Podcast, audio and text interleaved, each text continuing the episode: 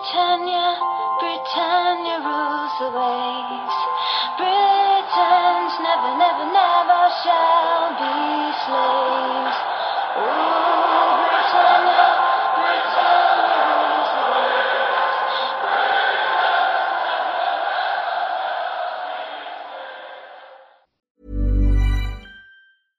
Hey, I'm Ryan Reynolds. Recently, I asked Mint Mobile's legal team if big wireless companies are allowed to raise prices due to inflation. They said yes. And then when I asked if raising prices technically violates those onerous two year contracts, they said, What the f are you talking about, you insane Hollywood ass? So to recap, we're cutting the price of Mint Unlimited from $30 a month to just $15 a month. Give it a try at mintmobile.com slash switch. $45 upfront for three months plus taxes and fees. Promo for new customers for limited time. Unlimited more than 40 gigabytes per month. Slows. Full terms at mintmobile.com.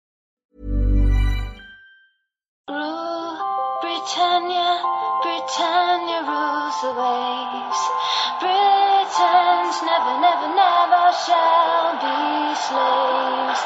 Ooh, Britannia, Britannia rules the waves.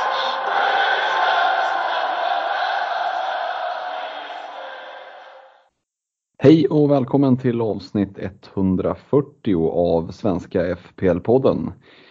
Vi har eh, till skillnad från eh, Nuno Espirito Santo överlevt Game Week 10, ska kika lite på hur det gick där och så ska vi blicka framåt mot Game Week 11. Vi spelar in idag tisdagen den 2 november och agendan för dagens avsnitt, ja men den tänker vi att den ser ut ungefär så här. Eh, Vi ska börja med att kolla våra byggen, eh, lite poäng, vad vi tänker inför kommande Game Week. Vi ska dra oss igenom eh, veckans punkter, lite rekommendationer, en kaptensdiskussion och så avslutar vi med lite lyssnarfrågor. Du Stefan, återigen så är det du och jag som får råda oss igenom det här. Alex har tagit lite, lite välförtjänt vila. Eh, hur är läget så här efter 46 poäng landade på? Eh, ja, nej men det är väl helt okej. Överlevnad, eller överleva sa du, och det, var väl, det är väl lite den känslan jag har eh, efter Game Week 10. Eh, 46 pinnar, tappar lite grann. Eh, det enda som var sur, jag, sura var ju att jag, jag sparade mitt byte. Eh, men, men det jag kikade mot var Shorty Reece James. Eh, och eh, det hade man ju kunnat dra minus 4 för. Eh, Men, eh, men, nej, men jag, ska, jag ska inte klaga. Det är klart att eh, liksom, eh, sådana där saker händer över säsong. Eh, och, eh, ja, men det är bara att hålla sig till planen här. Nu har jag två fria byten inför eh, Game Week 11 och eh, de planerar jag på att använda båda två. 46 poäng som sagt, 671 sammanlagt och en overall rank på 95k så att du håller dig inom topp 100 i alla fall. Eh, Ja, nej precis. 100. Eh, nej, men det, det känns helt okej. Det, var, det är klart att, eh, att man grämer sig lite grann. Men, men eh, jag, jag tänker inte gräva ner mig över det utan eh, det är bara att gå vidare. Definitivt. Du tog ju dessutom en pinne mer än vad Alex gjorde för att även om han inte är eh, med oss nu när vi spelar in så ska vi såklart redovisa att han plockade 45 pinnar. Eh, sammanlagt ligger han på 689 och tappar lite grann eh, men fortfarande en overall rank på 34k. Och undertecknad eh, jobbade in 56 poäng. Eh, mycket tack vare Reece James. Ehm, och ligger på 695 poäng, en overall rank på 22k. Så att eh, ja, det är som sagt Reece James eller inte, det var ju lite antingen eller för många. Ehm, Ja, nej, han- liksom. Två baljor och nolla, det, det kanske inte kommer hända varje vecka direkt. Nej, nej men, men ändå, jag tycker han ser fin ut. Så, så visst får, har man fått kanske för mycket utdelning nu, men men jag tycker ändå att eh, om det är någon som ska, liksom, som vi har varit inne på, som ska kunna matcha eh, Trent i offensiv utdelning bland backarna över säsong så tror jag ändå att det är Reece James som har störst eh, chans på det. Mm. Du nämnde ju att du sparade ditt byte och sitter ju således då med två fria. Eh, hur, hur går tankarna? Vad är det du blickar emot eh, så här inför kommande Game Week? Nej, jag brände av ett byte tidigt igår faktiskt. Eh, jag tog in eh, Gallagher istället för Sarr. Eh, Gallagher skulle gå upp i värde och eh, Sarr eh, kommer väl tappa i värde innan, innan helgen. Eh, så att det var väl en 0-2 sving jag kikade på där. Eh, och eh, tänkte att eh, jag lika gärna kunde chansa lite med det bytet. Eh, jag gillar Gallaghers matcher här framåt och, och Sarr har tuffa matcher så att eh, det bytet kändes helt okej okay att göra. Mm. Ja, precis. Jag sitter ju också med, med två fria och, och blickar också mot det där mittfältet. Mot Gallagher, mot Smith Rowe. Um, ja, det är ju klurigt. Sen har vi ju ett landslagsuppehåll som väntar efter sen den här gameweeken. Så på ett sätt skulle man ju vilja dra ett byte och rulla ett byte så man sitter med två fria efter landslagsuppehållet. Är det någonting som du har funderat kring? Mm, nej, jag vet inte. Jag, jag, som, som, som jag var inne på så var jag ju nära att plocka in Reece James redan förra veckan och uh, hans pris eh, stannar ju inte av här direkt. Uh, så att, uh, jag, det brinner lite i knutarna och jag känner att det är nog någon jag vill ha när han är hel. Och ja, men jag tror, tror som sagt mycket på att det är han och Trent som, som är de bästa backarna. Och mm. ja, jag kikar på att ta in honom men jag har inte riktigt bestämt mig. Nej, och en TSB som fortfarande bara ska vi väl säga inom situationstecken ligger på 13 procent. Eh, och det är för att den har varit mycket skadad och avstängd och sådär. Så, men vi kan väl förvänta oss att den kommer öka ganska rejält fram till deadline. Eh, ja, nej, han, det är ju, nu är det såklart det här lite att jaga poäng och liksom det, det är klart att supermånga kommer byta in honom bara för att han gjorde två baljor förra, förra matchen. Men, men eh, Ja, men jag, jag satt och kikade lite statistik eh, i, här någon, någon kväll och, och liksom, eh, han är den enda som, som kan matcha om man, om man kollar på liksom skapade chanser per, per minut spelad så är han den enda som är i närheten av Trent. Eh, och eh, ja, således tror väl jag att lite att hans poängproduktion har chans att, att, hålla sig hög. Vi vet ju att Chelsea har ett bra försvarsspel så att eh, nollorna kommer ju komma lite titt som tätt också. Ja, och så får han den här fina vilan eh, nu ikväll när vi spelar in eh, mot, mot Malmö där han faktiskt inte ens hoppar in tyckte jag mig se utan kunde sitta lugnt liksom och, och, och vila de där vaderna och baksidorna till, till helgen så vi utgår väl från att han kommer att starta, starta till helgen. Ja, ja, det tror jag absolut. Eh, både han och Chilwell får ju 90 minuters eh, vila här, eh, eller de spelar ingenting. Så att sitter man med någon av dem så sitter man väldigt bra här inför Game Week 11 tror jag. Mm. Vi ska passa på att tacka våra partners eh, såklart. Olka Sportresor, Unisportstore.se, Glenn Sportsbar och Nakata.se. Och den sistnämnda där, Nakata.se, där har ni ju fortfarande 15 Eh, Uppge koden FPL15 så har ni möjlighet in och klicka hem en schysst t-shirt eller något schysst print. Men jag tänkte vi skulle glida in i eh, veckans punkter och det är ju svårt att börja någon annanstans. Alltså det, vi måste ju börja i Spurs. Eh, Nuno sparkad, Conte klar. Tankar om det? Jag har tyckte att de kunde ha väntat lite längre för att eh, det såg ju verkligen inte bra ut eh, för Spurs och det gillar ju jag som Arsenal-supporter. Men eh, nej, men jag vet inte, det, det, känns som att de får in en bra manager. Det är svårt att, att liksom eh, klanka ner på hans track record här. De senaste klubbarna han har varit i har han gjort eh, det väldigt bra. Sen, sen om han liksom är en, en manager som kommer in och gör det bra någon säsong och sen lämnar, det, det får vi väl se. Men eh, jag tycker att han har gjort eh, över förväntan i de klubbarna han har varit i. Känner vi rent fantasymässigt att det här kan ha möjligheten att bli ett uppsving för ja, men, kanske framförallt Kane och Son. Men även skulle det kunna bli en liten revival för ytterbackarna där. Conte är väl ganska så pigg på att spela wingbacks om jag inte är helt ute och cyklar. Eh, och då finns det ju Emerson Royal, det finns en Matt Doherty och inte minst då en Reguljon. Ehm, ja, nej. Som ska in på radarn. Nej, precis. Det blir väl, det blir väl troligtvis wingback-system. Eh, sen, sen, vet jag inte om Spurs löser tre eh, speldugliga mittbackar. Det var ju men, ja, Nej, men Nej, men jag, vi får väl se, vi får väl avvakta och se. Men, men i Chelsea använder han väl, eh, säger wingbacks i alla fall.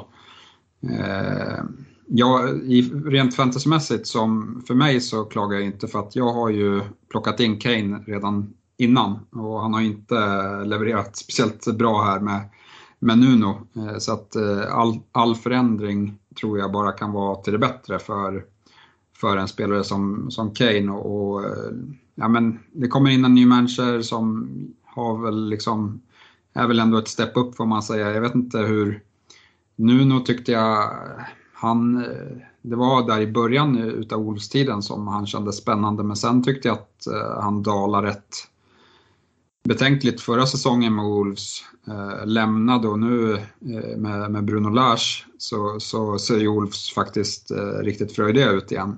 Så att, det känns som en, som en att man får in en bättre tränare än vad man hade här i Nuno eh, Spirito Santo tror jag. Ja, och framförallt så får man väl förmoda att de får in sitt första val. Och det var väl inte Nuno, det var väl ganska det läckte väl ganska tydligt att han var långt ifrån det första alternativet som när de gick på honom. Och eh, Conte känns ju mer handplockad eh, utifrån relationer, tidigare, tidigare relationer med sportchef eh, och så vidare. Ja, jag vet inte vad som, jag har ju bara läst lite grann om det här, men jag vet inte om det var att Conte var liksom ryktad till Spurs redan Eh, inför säsong, men att han inte ville ta jobbet då. Eh, jag läste någon sån artikel och jag vet inte om det stämmer men, men han kanske har ändrat sig nu då och, och eh, i brist på annat tar, tar Spurs här. Ja, om inte annat så är det ju ett ganska tacksamt läge att kliva in i. Det. Everton borta är det som väntar nu i Game Week 11 och det såg vi att det försvaret läcker ganska rejält. Vi såg det mot Wolves nu senast. Och sen är det Leeds och Burnley, Brentford, Norwich. Alltså det, det, är inget, liksom, det är inget monsterschema han kliver in i direkt. Nej, jag tycker att det, det var ju de här, kanske inte just Everton-matchen, men, men det, det, finns ju såklart hopp om utdelning på, på Spurs offensiv även där. Men, men när jag tog in Kane så kikade jag framförallt mot de fyra matcher som kommer efter eh, Everton eh, och hoppas på utdelning. Eh, och det är väl lite chansning nu med ny tränare och så. Och, eh, men, men jag ja, det är så pass många fina matcher i rad så att jag tycker att det är värt eh, en chansning här och gå på någon från Spurs i alla fall. Ja, och som sagt för, för Kane kan det ju inte bli, liksom, om han har sett lite ja, men, uttråkad och oinspirerad ut så känns det väl som att det här skulle kunna vara precis den ja, men, injektionen av eh, tändvätska så, som han behöver. Så att, eh, definitivt någon att hålla ögonen på om man, inte, om man inte som du redan har plockat in honom i bygget. Ja, vi eh. såg ju till exempel Lukaku såg ju riktigt fin ut under Conte i Italien. Eh, mm. Och, och vräkte in mål där. Eh, så förhoppningsvis så får vi se något liknande med Kane, att han, liksom, han ska vara inne i boxen och han ska göra mål. Det, det är det jag hoppas i alla fall. Mm. Ja, men vi får väl anledning säkerligen att återkomma till Spurs längre fram också när vi ser lite hur dels vilka spelare som, som Conte väljer att gå på, hur han väljer att formera dem och Eh, vad det får för utfall. Du Stefan, har du lust att fortsätta med lite budgetmittfältare? Ja, men vi har ju en hel drös med intressanta mittfältare eh, och, och de jag primärt tänker på är ju ja, men dels under Eh, under 6 miljoner tänkte jag säga, men nu vet jag inte vad Bailey kostar som jag har skrivit med som sista gubbe. Han kanske kostar mer. Eh, men, men, men, i övrigt så är det Gallagher i Crystal Palace, Smith Rowe i, i Arsenal, Mbuemo i Brentford, eh, Gray i Everton och sen så kastar jag in en Bailey som en joker på slutet. Eh, jag tycker väl alla de här eh, har ju under säsongen på något sätt visat upp sig. Eh, Gallagher rivstartade säsongen, eh, såg bra ut. Palace har, har liksom i alla fall imponerat, eller överraskat på mig och ställt om sitt spel ganska rejält under, under Vira och fått utdelning. Och, ja, man, man ligger i mitten i tabellen, eh, spelar, spelar en fröjdig fotboll och, och nu senast här så, så såg vi Gallagher i, i poängprotokollet igen. Eh, och det är, väl, det är väl lite så med de här spelen att eh, man kommer inte få utdelning varje vecka som man kanske får på, på lite mer premiumspelare. Men, men för det priset som de här handlas på, Gallagher och, och Smith Rowe framför allt, Eh, och liksom med den poängskörden så finns det ju absolut case för det. Eh, dessutom får man ju väga in att eh, ja, men om man kollar på Gallagher eh, Gallaghers spelschema så, så ser det ju riktigt fint ut här en, en längre tid. Eh, Arsenal har, där är det lite mer liksom varannan match men, men deras hemmamatcher är, är väldigt fina. Så att, eh, att eh, Smith Rowe ska fortsätta göra poäng ser jag inte heller som omöjligt. Mboemo lite svårare att och, eh, och, och liksom tokreka här då han har dragits med, med skadeproblem. Eh, missade matchen nu i helgen, eh, men mm, vad jag fattar det som så är det i alla fall ingen jätteallvarlig skada och de som sitter på honom och har i bygget, eh, de, de tycker jag ska ha is i magen. Eh, byta in blir ju lite svårare eh, med tanke på att då, då vill man ha klara besked om han är hel eller inte. Och sen de två sista gubbarna, Gray som har sett fin ut tidigt här på säsongen. Eh, jag vet inte riktigt, min känsla är att han har taktat av lite grann eh, och att ja, men det var inget imponerande man såg från Evertons håll eh, här nu senast. Dessutom så, jag vet inte om jag liksom superdiggar spelschemat heller. Det är en del tuffa matcher där. Man ska möta Spurs, City, Liverpool, Arsenal kommande fem. Eh, så han hade jag väl kanske höjt en lite varningsflagga för. Eh, dels för att Evertons form har varit eh, och liksom skadeproblem har, har varit rätt jobbigt. Och plus att ja, ett tufft spelschema gör väl att, att jag håller mig borta från honom en del. Och det är väl egentligen rekommendationen med, med Bailey också, även om han har finare matcher nu på kort sikt. Så, ja, men jag vet inte, Aston Villa känns inte heller eh, sådär superheta. Eh, jag tycker att eh, ja, men det finns frågetecken där. Man har inte riktigt eh, ja, fått igång det här efter, efter man tappar, tappar Grealish. Eh, vad är din åsikt om det? Ja, nej men så är det ju och det såg ju ganska risigt ut här senast. Jag tyckte att de, det var faktiskt klasskillnad eh, i, i, senaste matchen mot West Ham och de hade lite lekstuga. Eh, så att eh, avvakta lite och se där. Jag är lite nyfiken på hur om du tvingas eh, ranka dem. Låt säga att du sitter med, med eh, ett bygge där du har ett byte och, och liksom du vill plocka in någon av de här budgetmittfältarna. Vem skulle du gå på och plocka in i så fall? Ja, men jag hade gått på, eh, på Gallagher. Eh, det kanske, kanske är konstigt som Arsenal-supporter, men, men eh, det är mer för att honom känner jag att man kan spela varje vecka. Eh, medans, och det är en sån spelare jag letar i mitt bygge i alla fall. Letar man en 50 mittfältare, ja men då kanske Smith Rowe är, är din man för att eh, jag kikar mot de här hemmamatcherna mot Watford, mot Newcastle, mot Southampton eh, och så kommer det en, en bortamatch mot, mot Norwich eh, sen lite längre fram. Men, men sen, ja, liksom, där, däremellan har man då bortamatcher mot Liverpool United, eh, Everton och West Ham. Eh, så han är lite mer, för mig i alla fall, varannan, varannan matchgubbe. Eh, ingen som jag liksom har superförhoppningar om att ställa ut på på Anfield och förvänta mig poäng. Eh, eller Old Trafford för den delen heller. Eh, så, så därav så tycker jag att Gallagher trumfar Smith Rowe, men det är de två som jag håller eh, där uppe i, i toppen. Mm. Och, och, sen får vi se, Mbuemo tycker jag väl kan nämnas om han, om han som trea, om han kommer in som frisk här. Tycker jag.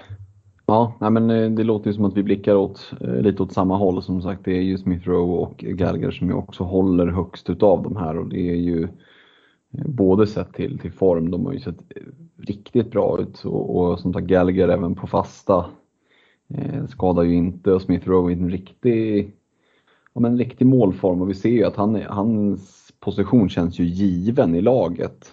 Eh, ska det bänkas någon offensiv centralfältare då är det ju Ödegård som hamnar där, såg vi ju senast. Eh, är det din bild också som har kanske ännu bättre koll på Arsenal att Smith-Rowes plats i elvan, den är liksom cementerad just nu? Eh, ja, ja han, han trumfar till och med Saka just nu skulle jag säga. Saka har haft lite tyngre med formen enligt mig efter eh, ja, men lite, lite hangover efter, efter EM som inte riktigt har lagt sig. Eh, jag, hoppa, jag hoppas få se mer utav, utav Saka den här säsongen. Eh, men, men just nu så tycker jag att det är Smith Rowe som är allra hetast rent formmässigt i, i Arsenal-tröjan. Mm. mm. Vi ska rulla vidare och jag tänkte prata om någonting lite, lite oväntat kanske. Eh, kan det vara så att det är läge att out of the blue helt enkelt som ur en hatt trolla fram, inte en kanin utan en bench boost? Eh, lite sådär från sidan. Och då kanske många som lyssnar tänker att va? bench boost, det ska man ju dra eh, double game week. Så ja, det brukar väl vara det generella tipset. Eh, vi såg att eh, ett antal personer, eh, Alex till exempel, drog det i Game Week 1 eh, och hade satt upp laget inför det och det är väl lite det som eh, oftast är grejen att ska man dra ett benchboost då vill man ju ofta ha liksom fixat till bygget innan. Eh, och jag tycker mig ändå se en liten lucka in till att hitta en ganska bra bänk inför kommande Game Week och där beror det ju såklart på hur ens bygge ser ut. Men med de här lite billigare mittfältarna som du var inne på och nämnde. Eh, för det är nämligen de jag blickar mot att kunna plocka in. Så i mitt fall så hamnar vi på en bänk med Foster i mål och han spelar ju just nu ska sägas. Jag tycker inte att han har övertygat jättemycket i, i Watford-målet så att, att han blir kvar där säsongen ut det vågar jag definitivt inte hålla liksom för säkert. Så att just nu det, spelar ju han eh, och det är klart att det brukar vi prata om att ha en spelande keeper. Det är liksom inte ett måste, men det brukar man ju verkligen vilja ha om man ska dra en, en benchboost. Eh, sen har jag Callum Wilson, Ruben Diaz och i dagsläget då en Brownhill som skulle kunna bli ja, en Smith Rowe till exempel och då blir det en bänk som ja, men i min värld känns kapabel att ta en hel del poäng. Jämför man med att ja, men om vi spelar in en double game week, ja, men dels måste du sätta upp laget inför det så att du faktiskt får in spelare som, som har dubbla matcher. Vi vet att när det är dubbla matcher så ligger de ofta tätt. Det kommer att vara rotation och få in ett helt lag med liksom alla, men att hela bygget skulle eh, landa i att få, eh, få dubbla starter eller ha dubbla matcher. Det är, det är rätt tufft och frågan är om det blir det optimala laget som du faktiskt vill ha framöver sen. Jag förstår ju Alex tanke med att han tryckte av benchboost eh, i liksom Game Week 1 och lite som han själv sa, var av med chippet liksom. Eh, så ja, jag sneglar ändå lite mot att det skulle kunna vara läge. Jag tror att det är fler som jag som sitter med Foster på bänken och det är liksom en bra start. Hur ser bänken ut sen? Ja, det kan ju vara den här veckan, det kan ju vara någon vecka framöver. Men eh, vad säger du Stefan om spontana tanken? Eh, den kommer ju lite från sidan sådär. Eh, benchboost lite oväntat? Ja, jag satt ju också och kikade på benchboost i, i Game Week 1 faktiskt. Eh, och sen så hade jag och Alex lite diskussion och så kom vi fram till att äh, men vi kan inte båda dra det. Eh, så, så du får dra det Alex. Ja, då tyckte han att ja, men det, det gör jag. Eh, och det följer väl ut. Eh, sen hur, om det faller, jag tror han plockar 20 pinnar på bänken eller något sånt. Mm. Eh, och och ja, men om det faller lika väl ut här, det får vi se. Eh, det som gjorde att eh, Alex eh, benchboost föll väl ut, det var väl att Semikas och Amartey, de 4,0 backarna som, som fanns från Game Week 1, höll nollan i, i första Gameweeken. Och plockade in 12 fina pinnar där. Och liksom, det är ju lite så, det kan ju bli att man, ja, men att man går bet, men, men som du satte upp laget där, det tycker jag är rätt intressant. Jag, jag var rätt avundsjuk på att eh, Alex hade dragit det där efter första gameweeken, för som du säger, ja, men vill man verkligen använda wildcardet för att sätta upp en benchboost och sen ha eh, alldeles för mycket pengar investerade i, i spelare som man kanske inte vill ha sen, eller vill man optimera eh, liksom och dra wildcardet när, eh, när ja, det känns långsiktigt bäst eh, att dra det andra halvan av säsongen? Jag tror faktiskt man tjänar på att försöka få iväg benchboosten och liksom hoppas, får man 20 pinnar på det, då tror jag att man vinner på det och, och liksom kan fokusera på eh, och sätta upp eh, det bästa möjliga laget istället. Ja, precis. Och nu har vi ju ett, ett Man, Man City som, som möter United. Det, det, är säkert en hel del som sitter med, med ett antal City-tillgångar i bygget och det är klart det är, ja men Diaz, Cancelo, det är väl kanske inte backarna man, jag tycker den är lite svår faktiskt då, men ska jag spela Diaz eller ska jag spela Ben White i Arsenal hemma mot Watford? I dagsläget så sitter jag med Ben White i startelvan och Diaz på bänken. Eh, och det är ju inte jättemånga matcher som man gör den prioriteringen kanske. Eh, så det är ändå bra spelare som sitter där. Jag tycker att det är värt att, att fundera på. Och som jag nämnde, det beror helt på hur ens eget bygge ser ut. Och det kan ju vara så att det är en nästa eller näst, nästa Gameweek som just ditt bygge liksom passar bäst för. Men Eh, som sagt, möjligheten finns. Jag vet inte vad din känsla kring Foster är där, men jag tycker han har sett skakig ut. Så jag, jag känner, känner mig liksom, det känns bara som en tidsfråga innan han återgår till att liksom värma kvisten igen. Jag har inte kollat så mycket åt det. Min, min andra keeper heter Stil så att jag har inte haft det problemet utan Sanchez har fått vakta kassen konstant för mig. Men ja, det, det, är klart att eh, det skulle kunna ske ett skifte där. Bachmann gjorde väl egentligen inget fel vad jag, vad jag la märke till i början av säsongen innan han blev av med den där platsen. Eh, så att, eh, och då är det frågan om när det skiftet sker då, eh, om det skulle ske. Eh, om det sker nu till den här veckan så är det lite surt om man drar benchboost såklart, men, mm. men det vet man ju inte. Det vet man inte det, ja, men då, är liksom, då får man ställa det mot, man vill ju ta den risken mot att istället ja, men, dra sitt wildcard bara för benchboosten och då ta in en målvakt som man, inte, som man bara kommer vilja ha i den gameweeken. Typ. Mm. Nej, och sen får man ju se till övriga bygget. Eh, vi har ju pratat om att det finns en hel del spelare som är ja, men kanske lite mer utsatta för rotation. Eh, för min del att jag ens överväger benchboosten nu, det är ju tack vare att Reece James fick den här vilan nu mot Malmö i Champions League. Då, då utgår jag från att han kommer att spela till helgen. Eh, ja. Sitter man på Cancelo får man ju göra en bedömning där till exempel. För det är klart att drar man benchboost så vill man ju helst att, att alla gubbar i bygget spelar. Eh, så klart att det, det, är ju nästan en förutsättning att man åtminstone tror att det kommer att vara så. Men eh, jag tror att det är fler än jag som har möjlighet och när jag tänkte tanken så, så vart det lite som en ögonöppnare att men det här har jag inte ens tänkt på förut. Eh, så då är frågan om man ska trycka av det nu eller om man ska ha lite mer is i magen. Men det känns ju som att fler och fler kommer att frångå det här att det är skrivet i sten att det måste vara en, en, eh, en double game week som man trycker av benchboosten. Ja, nej, jag tror att eh, som sagt eh, rent strategiskt, det är klart att man kommer troligtvis få mer poäng på sin benchboost om man drar den i, i en double game week. Det, det sticker jag väl inte under stol med för man har fler eh, chanser. Man har väl liksom istället för fyra matcher så har man i alla fall en 7-8 matcher på bänken. Sen, sen är ju frågan hur mycket mer poäng får man? Och, och liksom kan man tjäna igen de där poängen på att eh, kunna dra sitt wildcard på ett annat eh, ställe i säsongen istället. Det, det måste man ju ändå eh, väga mot varandra skulle jag säga. Mm. Ja men verkligen så. Eh, vi går vidare. Eh, forwards, forwardstillgångar eller bristen på forwardstillgångar, är det någonting som du vill kika lite närmare på? Ja, nej men till exempel så tycker jag att många sitter och kikar på att, eh, nu, att man nu ska plocka ut Antonio för att eh, de har svårare matcher. Eh, kikar jag liksom statistiskt sett så, så finns det ingen som är i närheten av det Antonio har presterat eh, än så länge på säsongen. Eh, det var många som satt och kikade på att man skulle skifta Ronaldo till Lukaku eh, för, för Chelseas fina matcher. Eh, nu är det en del som sitter kvar på Ronaldo. Eh, och, och liksom det, förutom de två och eventuellt Jiménez så ja, jag tycker inte att det finns så många som levererar. Eh, och då ska man väl kasta in att ja, men både Antonio och Jiménez, de får tuffare matcher här.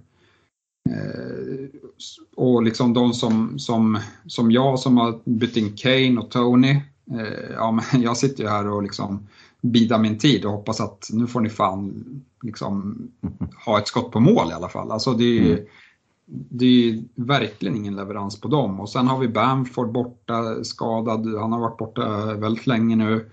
Eh, Calvert Lewin likaså, borta skitlänge. Eh, Richarlison är ju för sig tillbaka men han, han ser inte riktigt eh, het ut. Han springer och bränner lägen till höger och vänster. Ja men då liksom nu, om andra forwards som man får kika på, det är typ så här Firmino, Jesus, det är inte spelare som vi brukar kolla så jättemycket mot kanske i, i fantasy. Men ja, jag tycker det är riktigt svårnavigerat och tunt eh, uppe på topp och, och därför tycker jag väl att ja, men folk som sitter och kikar på byta ut Antonio, jag vet inte hur, vad de ska hitta som är så mycket bättre än, än en Antonio. Även om han kommer möta bättre motstånd där så tror jag ändå att han kommer vara bättre att ha. Och sen liksom det, det, här, det här med att man möter tuffare motstånd, det är, på, liksom, det är ju inte för alltid. Utan sen kommer det ju, eh, ja men, låt det gå några omgångar och sen kommer ju matcherna tillbaka. Eh, jag hade nog varit väldigt försiktig med att byta ut Antonio för jag tycker inte att det finns så mycket att byta in. Helt enkelt. Nej, och såg man matchen mot, eh, mot Aston Villa där, eh, jag satt och kollade den utan Antonio-bygget och det var ju en nervpärs i sig. Eh, han gör ju är det två, eh, minst två i alla fall hockeyass. Eh, och hade ju liksom mycket väl kommit, kunnat komma därifrån med, med returns. Så att, Eh, jag håller med dig. Jag sitter ju med en Jamie Vardy i bygget som har underpresterat det och det grövsta sen jag plockade in honom. Eh, och om jag väljer att byta ut honom, ja då är det ju typ Antonio jag blickar mot. Eh, och det säger väl det mesta, så jag delar helt den uppfattningen att sitter man på honom i bygget, ja då är det ju inte där man, man lägger ett byte. Det tycker jag inte. Dessutom så har de allra flesta ganska stort uppbyggt värde i honom. Så eh, Gör man som jag gjorde när jag drog mitt wildcard och kränger iväg honom, då är det ganska mycket dyrare att köpa tillbaka honom. Jag var, och, ja. jag var ruskigt irriterad på att eh, West Ham trodde att de var en jävla Arsenal i sina eh, liksom, glansdagar och ska passa in bollen på mållinjen eh, när de kommer i friläge. Det var typ två sådana mål de gjorde när Antonio hade spelat fram. Men ja, men, ja det är väl som det är. Men, nej, men jag tycker han nu, han, nu fick han inte någon poäng här mot, mot Villa. Men men jag tycker inte att han liksom på något sätt, som du säger, han, han var ju högst... Eh, han hade mycket väl kunnat komma, komma ifrån den matchen med, med några assist. Mm. Ja men verkligen så. Eh, värt att, att ha med sig när man kikar på transfers. Eh, och när man också kikade ändå på transfers så tänkte jag att vi som sista punkt ska kika lite på det landslagsuppehåll som väntar efter nästa Game Week. Eh, och vi har ju sett, vi såg ju före landslagsuppehållet så, flera, så har det ju blivit väldigt tajt för framförallt de sydamerikanska spelarna. Så jag tänkte bara vi skulle slänga ett snabbt getöga på hur ser matchdatumen ut? Game Week 12 då som det blir efter landslagsuppehållet, det är eh, kickoff lördag 20 november, så det är det man har att spela mot. Kikar man Sydamerika så spelar de den 10 och den 15 eh, så där borde de ju hinna hem i tid, även om det är lite tidsomställning och så. Nord och Centralamerika spelar 12 och 16 så det är lite närmare in på.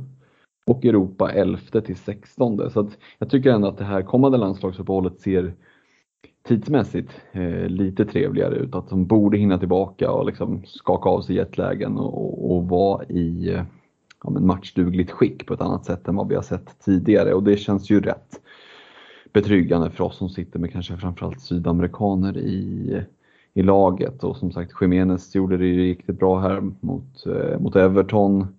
Eh, Rafinha ska vi inte prata om. Han hade ju riktigt, riktigt fin utdelning efter sin skada eh, när han var tillbaka här. Så att, det berodde det... ju i och för sig på att han mötte Norwich, men, men, ja. nej, men det var skönt att ha honom tillbaka ändå eh, och, få lite poäng eh, på honom. Och han såg fin ut.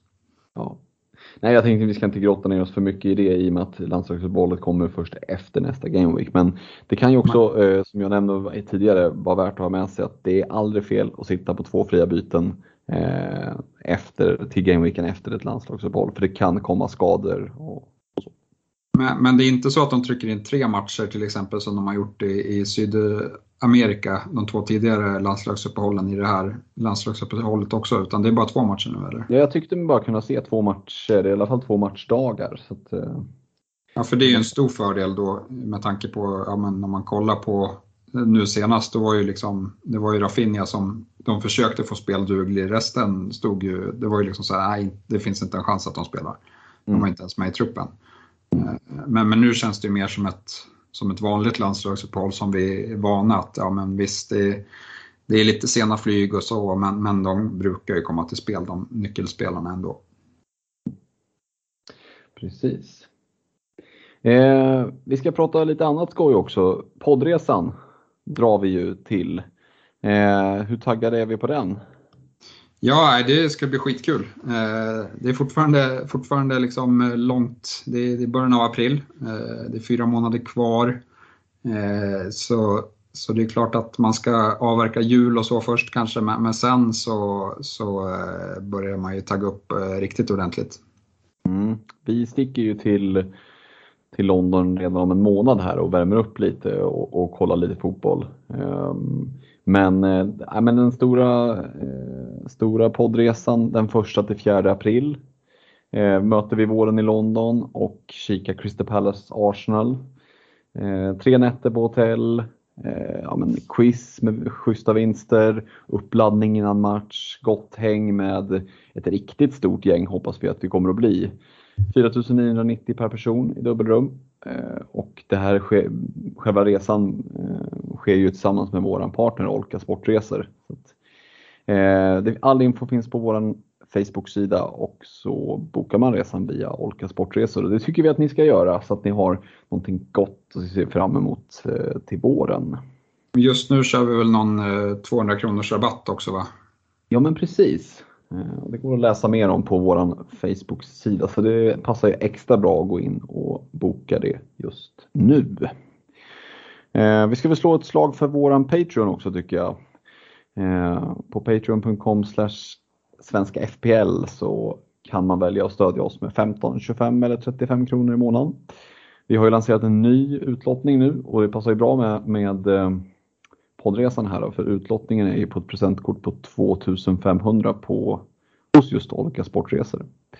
Eh, så det är halva poddresan alternativt lite extra matcher för det ser vi ju fram emot på den här poddresan att kunna kanske klämma in eh, minst en match till i alla fall och sen om det blir en Premier League-match eller en Championship-match, ja, det, det, Olka kan ju lösa biljetter till eh, det man önskar att se. Men som sagt, eh, en utlottning på 2500 kronor presentkort. En lott om man stödjer med 15, 2 på 25 och 3 på 35. Patreon.com svenska FPL. Och den här utlottningen tänkte vi köra på Boxing Day så att eh, man ska vara Patreon innan dess om man ska vara med i utlottningen där. Yes. Du, ska vi gå in och kika lite på eh, veckans rekommendationer? Yes, det kan vi absolut göra. Har du lust att börja med eh, försvarsrekar, tre stycken? Ja, nej men eh, det kan jag göra. Eh, jag kan väl kasta upp att jag hade Trent, Livramento och Cancelo förra veckan. Eh, och eh, Trent och Livramento, de ska ingenstans tycker jag. Eh, däremot så tycker jag att Reece James imponerar så pass mycket så att han trumfar Cancelo här och byter dem rakt av. Förra veckan var jag lite Eh, tveksam till om Reese var helt 100% fit eh, och eh, valde att ställa honom ute även om jag eh, vet det, talade upp honom i, i, i jämförelse med, med Chilwell. Men, men Reese hittar in nu i mina rekar i alla fall. Mm. James satt ju bergsäkert i min rek tillsammans med Livramento och Diaz och kikar runt i, tycker inte att det finns någon egentlig anledning att ändra här utan Livramento, Reece James och Ruben Diaz sitter kvar i mina försvarsrekar. Eh, däremot på mittfältet så gör jag lite förändringar. Satt på Foden, eh, Graylish och Smith Rowe. Eh, Smith Rowe och Foden får stanna kvar men Graylish får göra plats för Conor Gallagher. Eh, tycker att han ser riktigt fin ut. Så Gallagher i Crystal Palace, Smith Rowe och Foden sitter i mina mittfältsrekar. Kan det vara så att någon av dem finns hos dig också? Ja, nej, men Foden var där redan veckan eh, innan och han är kvar. Eh, jag hade Mason Mount eh, som mysteriskt missade helgens match på grund av någon sjukdom. Han var inte med nu till, till Malmö och spela utan mådde fortfarande inte bra. Så att jag ser väl honom som en som en halvrisk. Nu är det bara tisdag, men, men eh, en halvrisk inför, inför helgen här. Så han ryker faktiskt från reken och, det är Conor Gallagher som, som letar sig in där. Eh, och eh, sen får Tillemans vara kvar. Mm. Jag tyckte han var ja, men kanske den bästa spelaren mot Arsenal och han som låg bakom allt som, som hände. och hade bara Barnes eller någon varit lite mer klinisk i, i sina avslut så hade, hade Tillemans kommit iväg med, med poäng i den här matchen. Mm. Anfallet, hur ser det ut där? Nej, det är Tony och Kane får fortsatt förtroende trots att de inte visar upp eh, ett skit helt enkelt. men, men, matcherna är för bra och eh, jag vet inte. Jag, egentligen borde man väl ha Antonio här med i reken, men eh, nej, jag byter inte Tony och Kane här nu. Har man, har man gått på dem då, då får man stå sitt kast där. Eller, men nej, jag tycker så här, som i Kanes fall, då, då börjar matcherna komma nu. Eh, så att han blir bara mer och mer intressant. För Tonys eh, skull så är det lite mer osäkert, men det, det är väl Norwich nu va? Eh, mm. Och, och, nej, men jag vet, Norwich är så dåliga, jag vet inte hur... hur det, det är väl kanske den här matchen de, de ska ha chans att, att, ta poäng, men jag tror inte det. Jag tror att Brentford eh, skärper till sig. De gjorde Brentford hade väl lite av ett bottennapp här sist. Eh, kanske deras första, med första riktiga dåliga match. Eh, och, och åkte på en torsk mot Burnley, men, men eh, nej, jag tror på att de eh, repar sig och, och tar Norwich på hemmaplan faktiskt. Mm. Ja, men jag, eh, i min anfallsvecka väljer att också ha kvar eh, Ivan Tony. Och du nämner ju Norwich hemma och, och, man följer ju upp det med Newcastle borta så det är väl liksom spelschemat för nästkommande två blir ju inte mycket bättre än så. Eh, och sen är det Everton efter det som läcker som ett såll. Så jag tycker att schemat finns där för Tony, straffskytt. Det finns ändå, du var inne på att det, utbudet är inte direkt jättestort. Eh, så att det finns ändå ett case för att blicka mot Tony. Sen väljer jag faktiskt att behålla Callum Wilson. Eh, tycker att det spelschemat ser helt okej okay ut med nästkommande fem. Här har vi Brighton och Brentford och det är Norwich och Burnley hemma till exempel. Ehm, ja, men det finns en hel del matcher där som, som eh, lockar. Ehm, men eh, aj, ja, det är, finns ju en anledning till varför man blickar mot mittfältet och det är där man vill, kanske vill prioritera och göra bytena. Men eh, Tony och Wilson hamnar i min anfallsrek. Man undrar ju lite hur Newcastle-gubbarna springer och tänker nu när, när liksom, vi kommer allt närmare det här transferfönstret. Är det någon som förväntar sig att de ska få vara kvar i laget eller vad hur tror du? Jag tror att de ser fram emot att höra eh, good evening. Ja. Nej. Exakt, Nej, vi, har väl ingen, vi har väl ingen klar manager, men, men eh, Emery ryktas ju dit tillsammans med Eddie Howe, såg jag i alla fall Atletic hade skrivit idag. Det vore ju för den typen av nyrik klubb så vore det ett osannolikt sunt eh, beslut att plocka in Eddie Howe kan jag ju känna. Eh, det, det, känns ju mer som att det kommer landa i Unai Emery och så kommer det floppa. Eh, men ja, det återstår väl att se. Men jag håller med dig om, de, de lär väl springa och fundera lite på vad, vad det är som händer egentligen. Förhoppningsvis kan Callum Wilson slå in en och annan straff och raka in något sånt där riktigt brökmål som de gör uppe i Newcastle, det, det hade jag inte tackat nej till. Ja, nej, jag kommer, inte, jag kommer inte såga den reken för jag tycker att det är sån brist på, på forwards eh, som liksom känns superintressant. Jag vet inte om, liksom, du, du bytte väl bort Jiménez i ditt eh, bygge, i ditt mm. wildcard, men, men, han tycker ändå, han ser väl ändå fin ut tycker jag. Eh, mm, men han börjar vi... hitta form. Han börjar hitta form. Ja. Eh, men, men där är också lite att han kanske lever lite på, på lånad tid om man kollar på matchschemat som inte, inte ser sådär superkul ut för, eh, för Wolves om, om några omgångar här. Yes, vi ska röra oss vidare mot en kaptensdiskussion och då ska vi först eh, påminna om att det, vi har en fredagsdeadline. Eh, Southampton Aston Villa kickar igång. Eh, Game Week 11 på fredag den 5 november 21.00. Det innebär ju att 19.30 har vi deadline på fredag kväll. Missa inte det. Sätt ett busslag om du blir påkörd av en buss så vet du att laget sitter där i alla fall. Kan du sitta med bruten, brutna ben på, på akuten och veta att fantasylaget är i alla fall spikat. Um, ja, de senaste veckorna har ju kaptensdiskussionen inte varit så mycket av en diskussion. Det har varit Mo Salah för hela slanten. Hur är känslan inför helgen? Jag skulle väl ändå säga att han är väl favorit. Eh, ändå.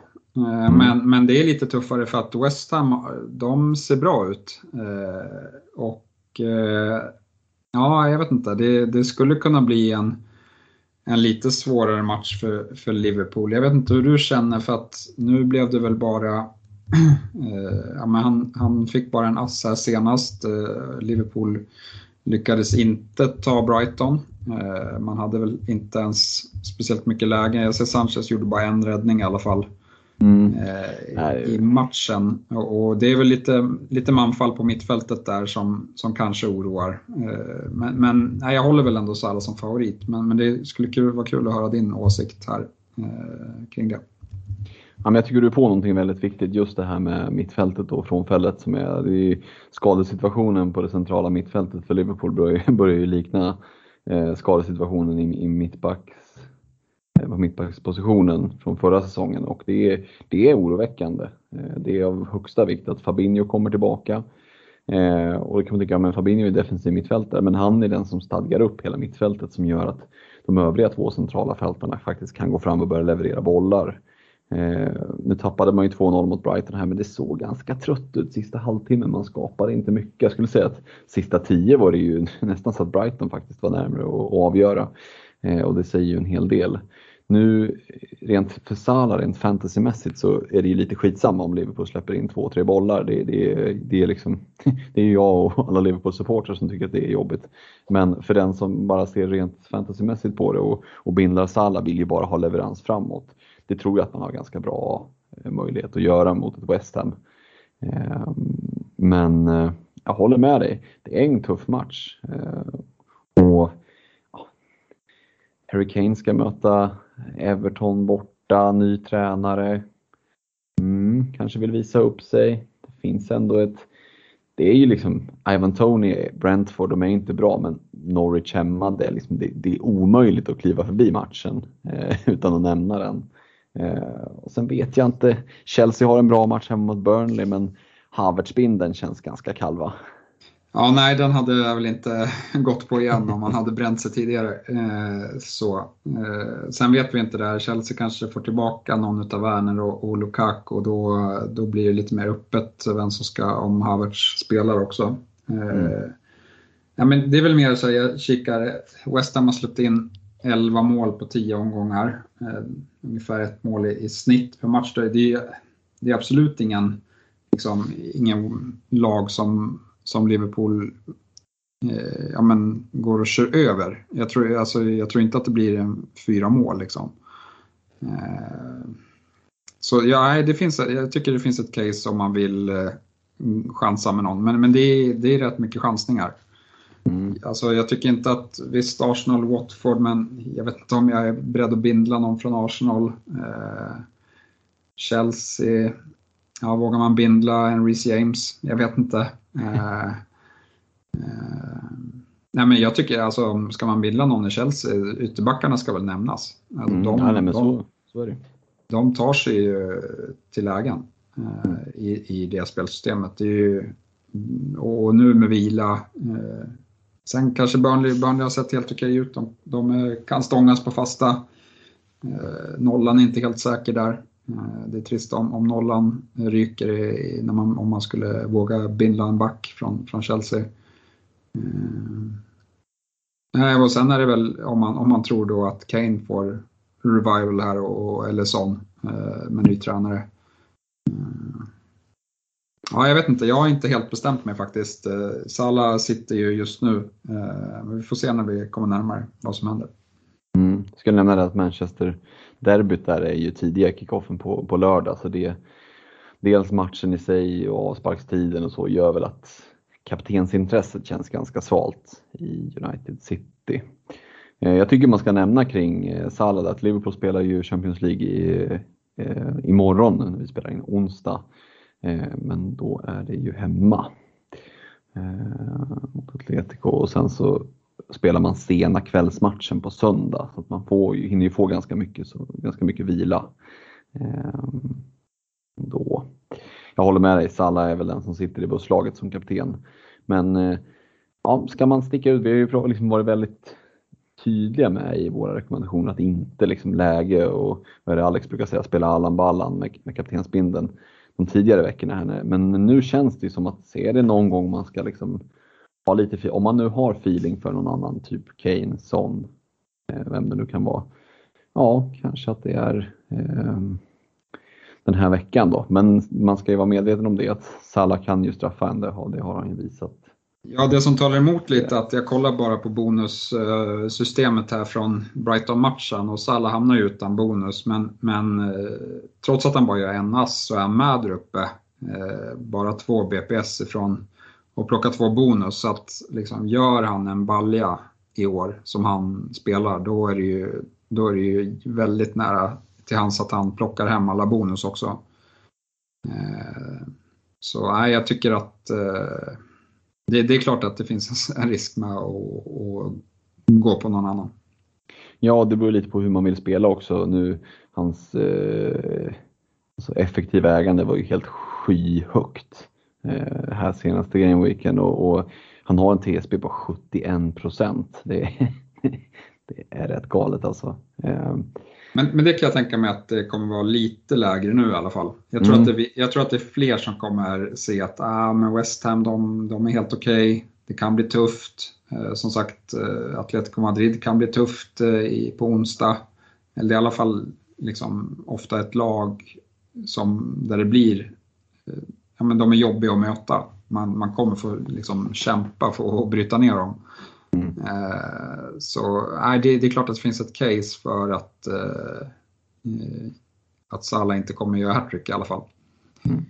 Eh, sen, vet jag inte, jag, jag tycker det är svårt att hitta någon klockren ett alternativ. Ja, det är väl det som ställer till det lite, att det inte finns det där tydliga alternativet. Jamie Vardy är iskall, han ska möta Leeds. Eh, Kane har ju också varit liksom rätt så i, i eh, ja, men han har inte varit där eh, så att han liksom har varit på någon streak utan vi famlar lite efter halmstrån med, med Everton borta och ny tränare och sådär. Det, det, är inte på liksom egna meriter som han kliver in i någon, i någon kaptensdiskussion. Eh, men vi kanske inte kommer så mycket längre än så. Det är Salabinden är väl utgången men har man den där gut feelingen för någon annan så, så kan det eh, såklart vara möjligt att gå däråt. Eh, har vi fått in lite lyssnarfrågor? Ja, men det har vi. Eh, Assad Amaya eh, skickar in här och eh, säger att eh, om man har dragit sitt wildcard eh, och man tycker att det är en bra omgång att använda det, vilka lagspelare skulle ni plocka ifrån då? Här. Mm, alltså om man inte har dragit wildcardet och funderar på det nu, ja. Det är svårt. Ja, svårt att pinpointa liksom lag som kliver in, för det är lite sådär mellan Många lag kommer att kliva in i bättre scheman framöver men jag tycker väl ändå att eh, kikar man, man väger in både spelschema och form så, så är ju Chelsea ett sånt lag där man vill kliva in och definitivt sitta på minst en av backarna. Eh, och egentligen samma sak med, med Man City. De har ju ett par tuffa matcher kvar, sen kliver de in i ett ganska så fint schema.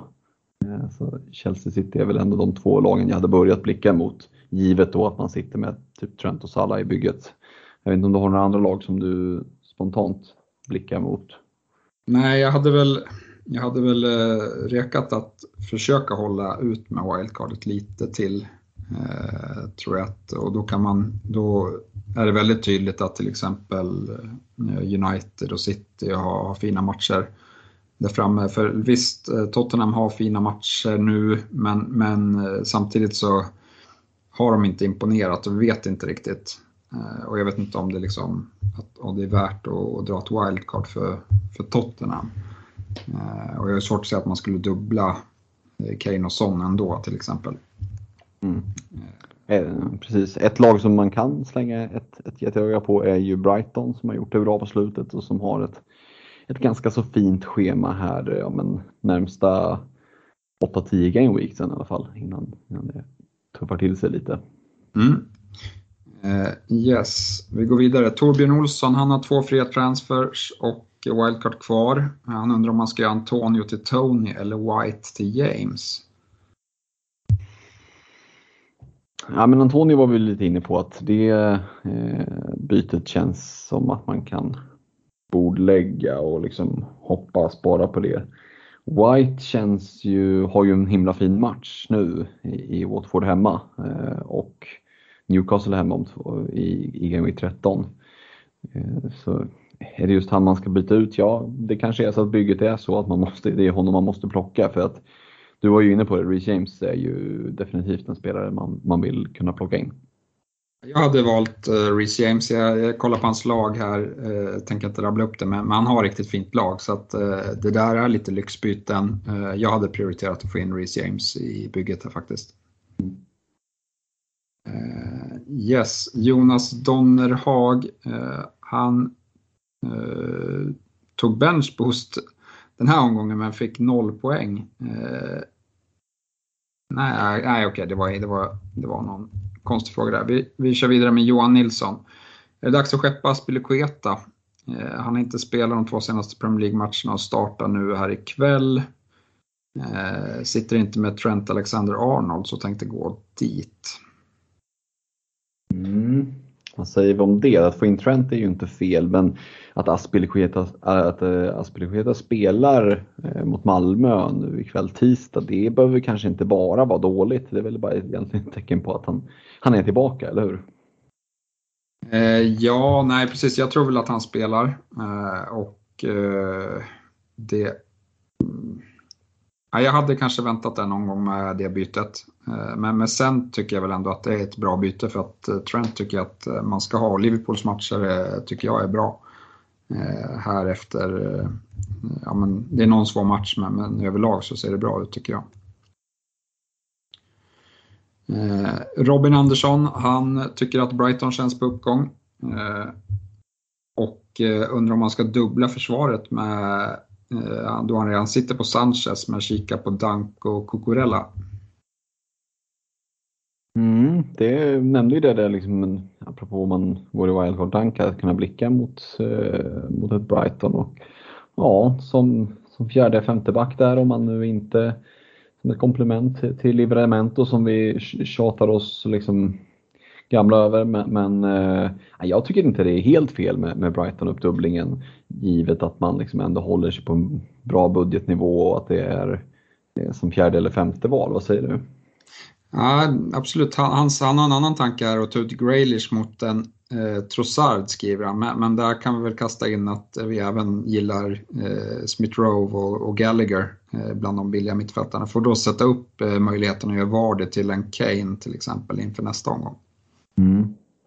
Ja, den är ju lite tråkig med Brighton tycker jag, att det är svårt att se ett tydligt, eh, tydligt fantasyalternativ framåt. Mopé har ju liksom inte spelat och Trossard har väl spelat lite out of position, liksom falsk nia, men jag vet inte riktigt om, om ehm, jag litar på att dels att han kommer fortsätta spela där och, och eh, men hur Potter kommer ställa upp. Jag tycker det saknas en, en bra tydlig offensiv kraft. Utan det, det är ju mer, vi såg ju Terry Lamptey fick eh, göra ett inhopp och vara tillbaka. Sen vart han skadad igen. Men eh, Eh, kan han komma tillbaka och bli frisk och liksom få ett par matcher i kroppen, då är det en spelare som är riktigt intressant.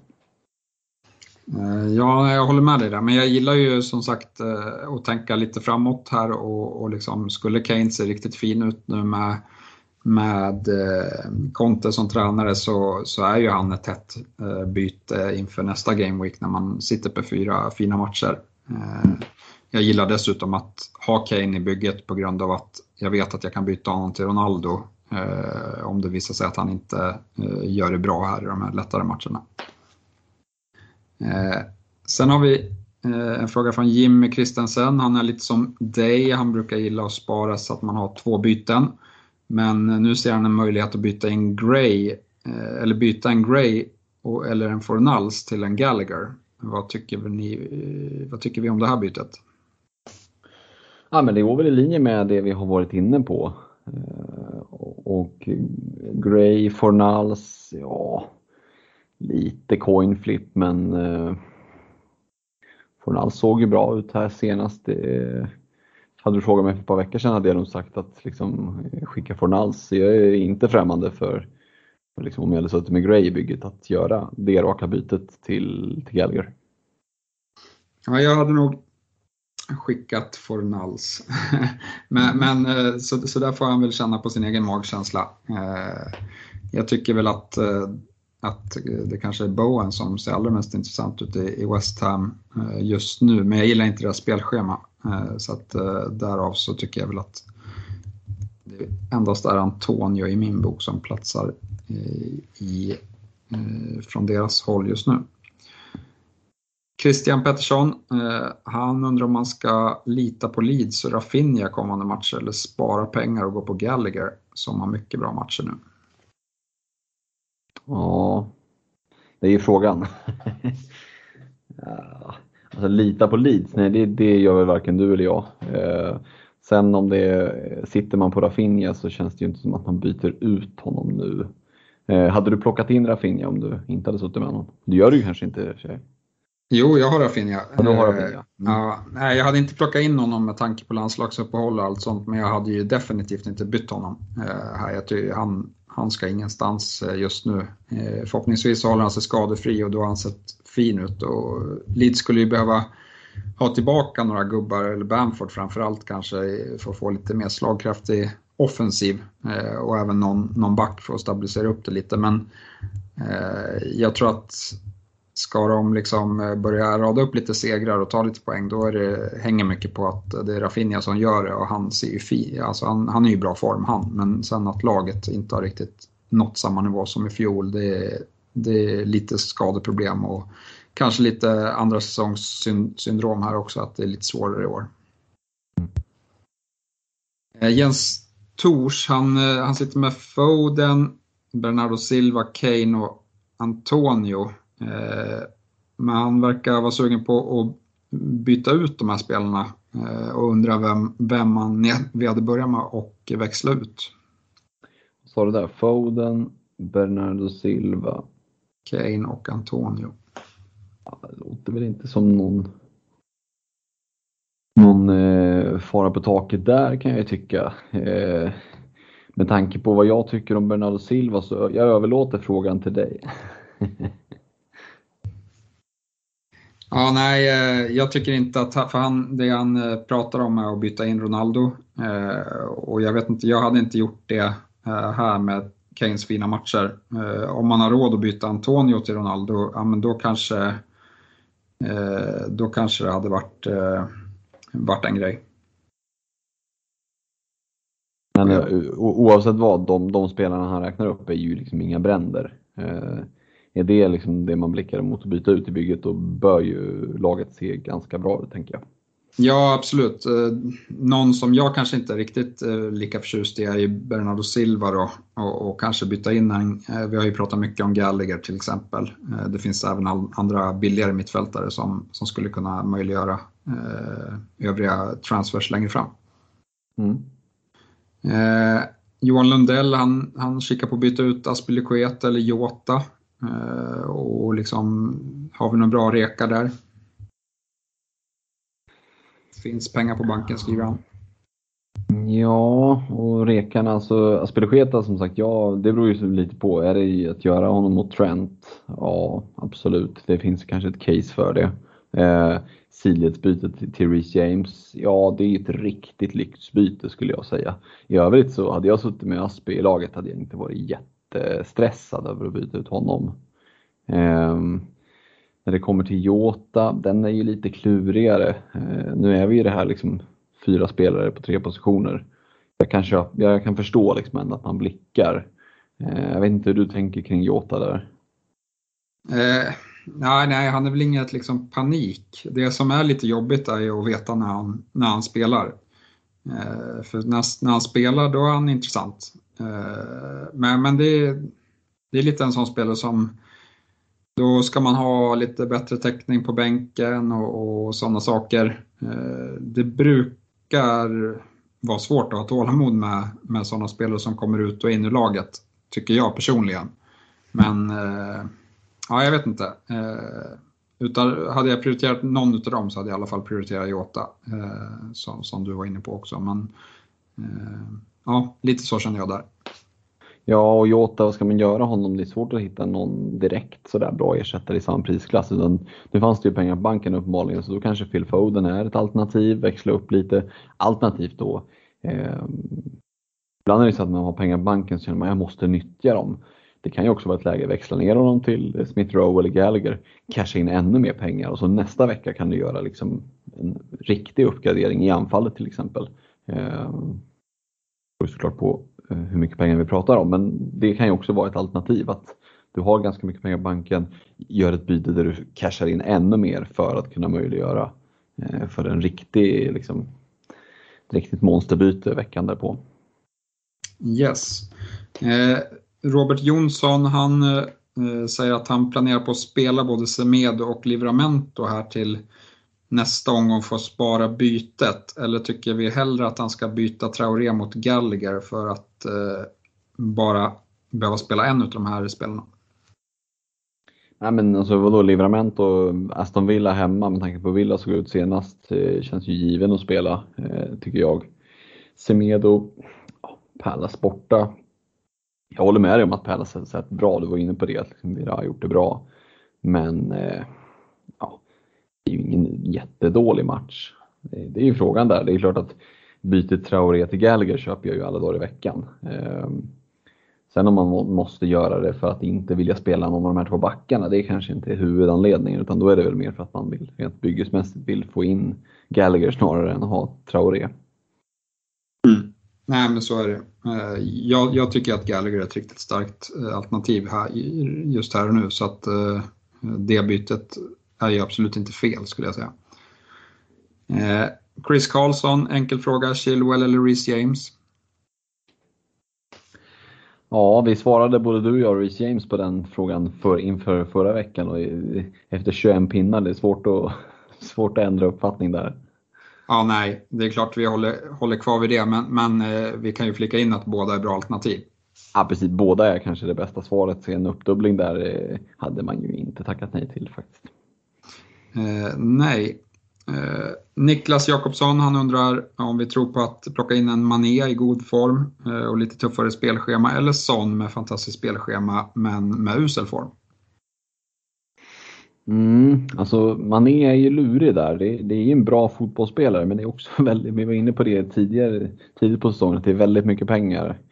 Eh, TSB ligger liksom på under 4% av en anledning. Eh, Står man och väljer mellan Mané och Son, då hade jag nog ändå valt att gå på Son. Eh, dels lite spännande ny tränare, dels kommer det här fina spelschemat som vi pratade om och så sprider man liksom, det blir liksom inte alla ägg i, i samma korg. Så jag hade gått på Son före Mané. Ja, det är lite så. Det är bara en som kan ta tre bonus eh, och det är bara en som kan ta straffar. Eh, och lite så. Han, har, han har ju Salah emot sig lite grann, Mané. Hade inte Salah funnits i laget, då hade han varit ett starkare alternativ skulle jag säga. Mm. Eh, Camilla Ljung, hon undrar vem man ska ersätta Ben Rama med.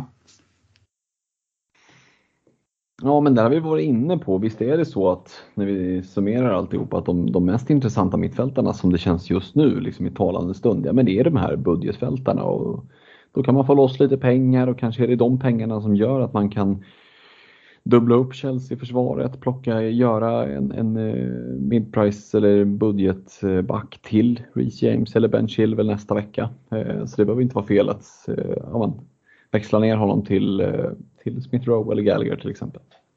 Nej, jag gillar dem. Jag gillar också Tillemans, men han är lite dyrare så han tycker jag, och det tycker jag är emot honom i det här hänseendet. Eh, Johan Sjögren, han undrar om man ska plocka in Kane eller inte. Ja, det är spännande. Jag sitter ju utan Kane, du sitter med Kane. Eh, hade du plockat in Kane inför den här gameweeken om du hade haft ett, ett öppet läge för det? Eh, kanske, om jag inte hade haft några andra bränder att släcka. Alltså jag har kikat mm. mot de här fyra matcherna som kommer efteråt och, och liksom, hade det varit läge nu eh, jag hade kanske inte plockat in honom för att med tanke på att det är landslagsuppehåll efter den här omgången så hade jag kunnat väntat och liksom, det är möjligt att han skadar sig på landslaget och då är det inte så kul. Eh, så nej, jag hade nog avvaktat eh, ändå.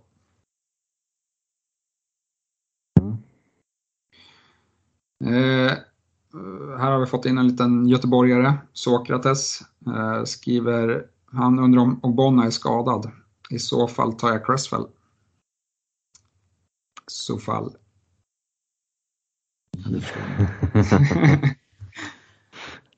ja, nej, vi tar en sista fråga. Eh, Filip yes. Johansson eh, är lite sugen på att bli av med Antonio med anledning av hans spelschema. För att sedan ta in honom när spelschemat vänder i omgång 18. Eh, han köpte ju dock honom för 7,5. Eh, så det kommer kosta en del att köpa tillbaka honom. Hur ser vi på det här? men vi var inne lite på det att det är ju eh, ja, men ekonomiskt så är det lite som att köpa en ny bil. Det, det är, liksom, det är typ det sämsta du kan göra. Eh, poängmässigt så inte hade jag suttit med Antonio-bygget nu, då hade jag inte sålt honom. Jag vet inte vad du säger. Nej, alltså, som det var som jag sa, att jag har svårt att se någon annan som liksom, med säkerhet ska plocka massa mer poäng. Det skulle kunna vara så att Antonio trumfar den spelare man plockar in för de här svårare matcherna eller den perioden. Och om man sen dessutom har kikat på att man vill ha tillbaka honom om 6-7 veckor, ja men då har man dels liksom det att det inte finns något klockrent alternativ nu plus att han troligtvis kommer kosta mer att köpa tillbaka än vad, vad han såldes för. Eh, så nej, jag tycker inte att, eh, att man ska göra det bytet faktiskt. Mm. Ja, ska vi packa ihop och stänga butiken? Ja, men det tycker jag börjar bli dags. Ja, vi påminner en sista gång om att det då är fredags deadline 19.30. Missa inte det. Eh, och i övrigt så önskar vi er lycka till i kommande Game Week så hörs vi om en vecka. Det gör vi. Ha det bra. Ha det gott. Tja!